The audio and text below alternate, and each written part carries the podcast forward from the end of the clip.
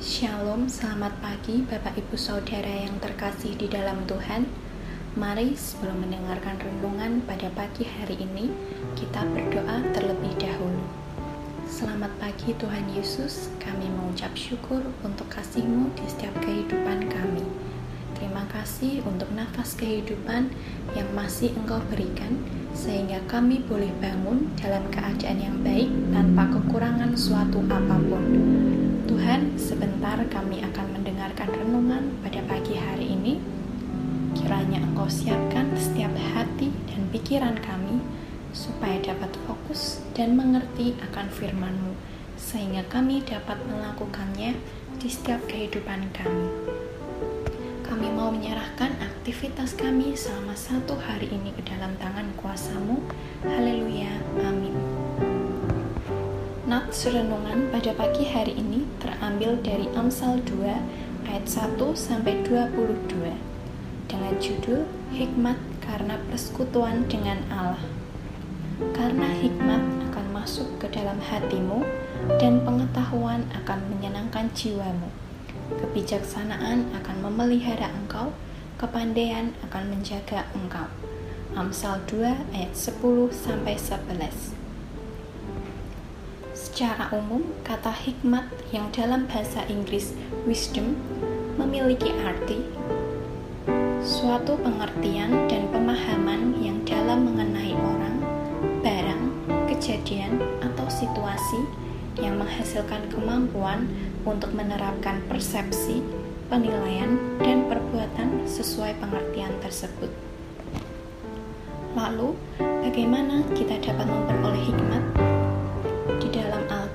Kita dapat menemukan bahwa Daud adalah contoh orang yang penuh hikmat. Karena memiliki hikmat, Daud mampu menjadi pemimpin yang benar-benar dikagumi. Hikmat mulai berkembang di dalam diri Daud sejak ia masih muda. Kala ia berada di padang menggembalakan kawanan domba.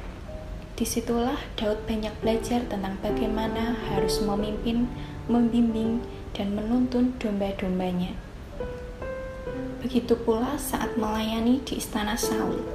Dengan hikmat yang dimiliki, Daud mampu mengerjakan semua tugas yang dipercayakan kepadanya dengan sangat baik. Dari manakah Daud beroleh hikmat?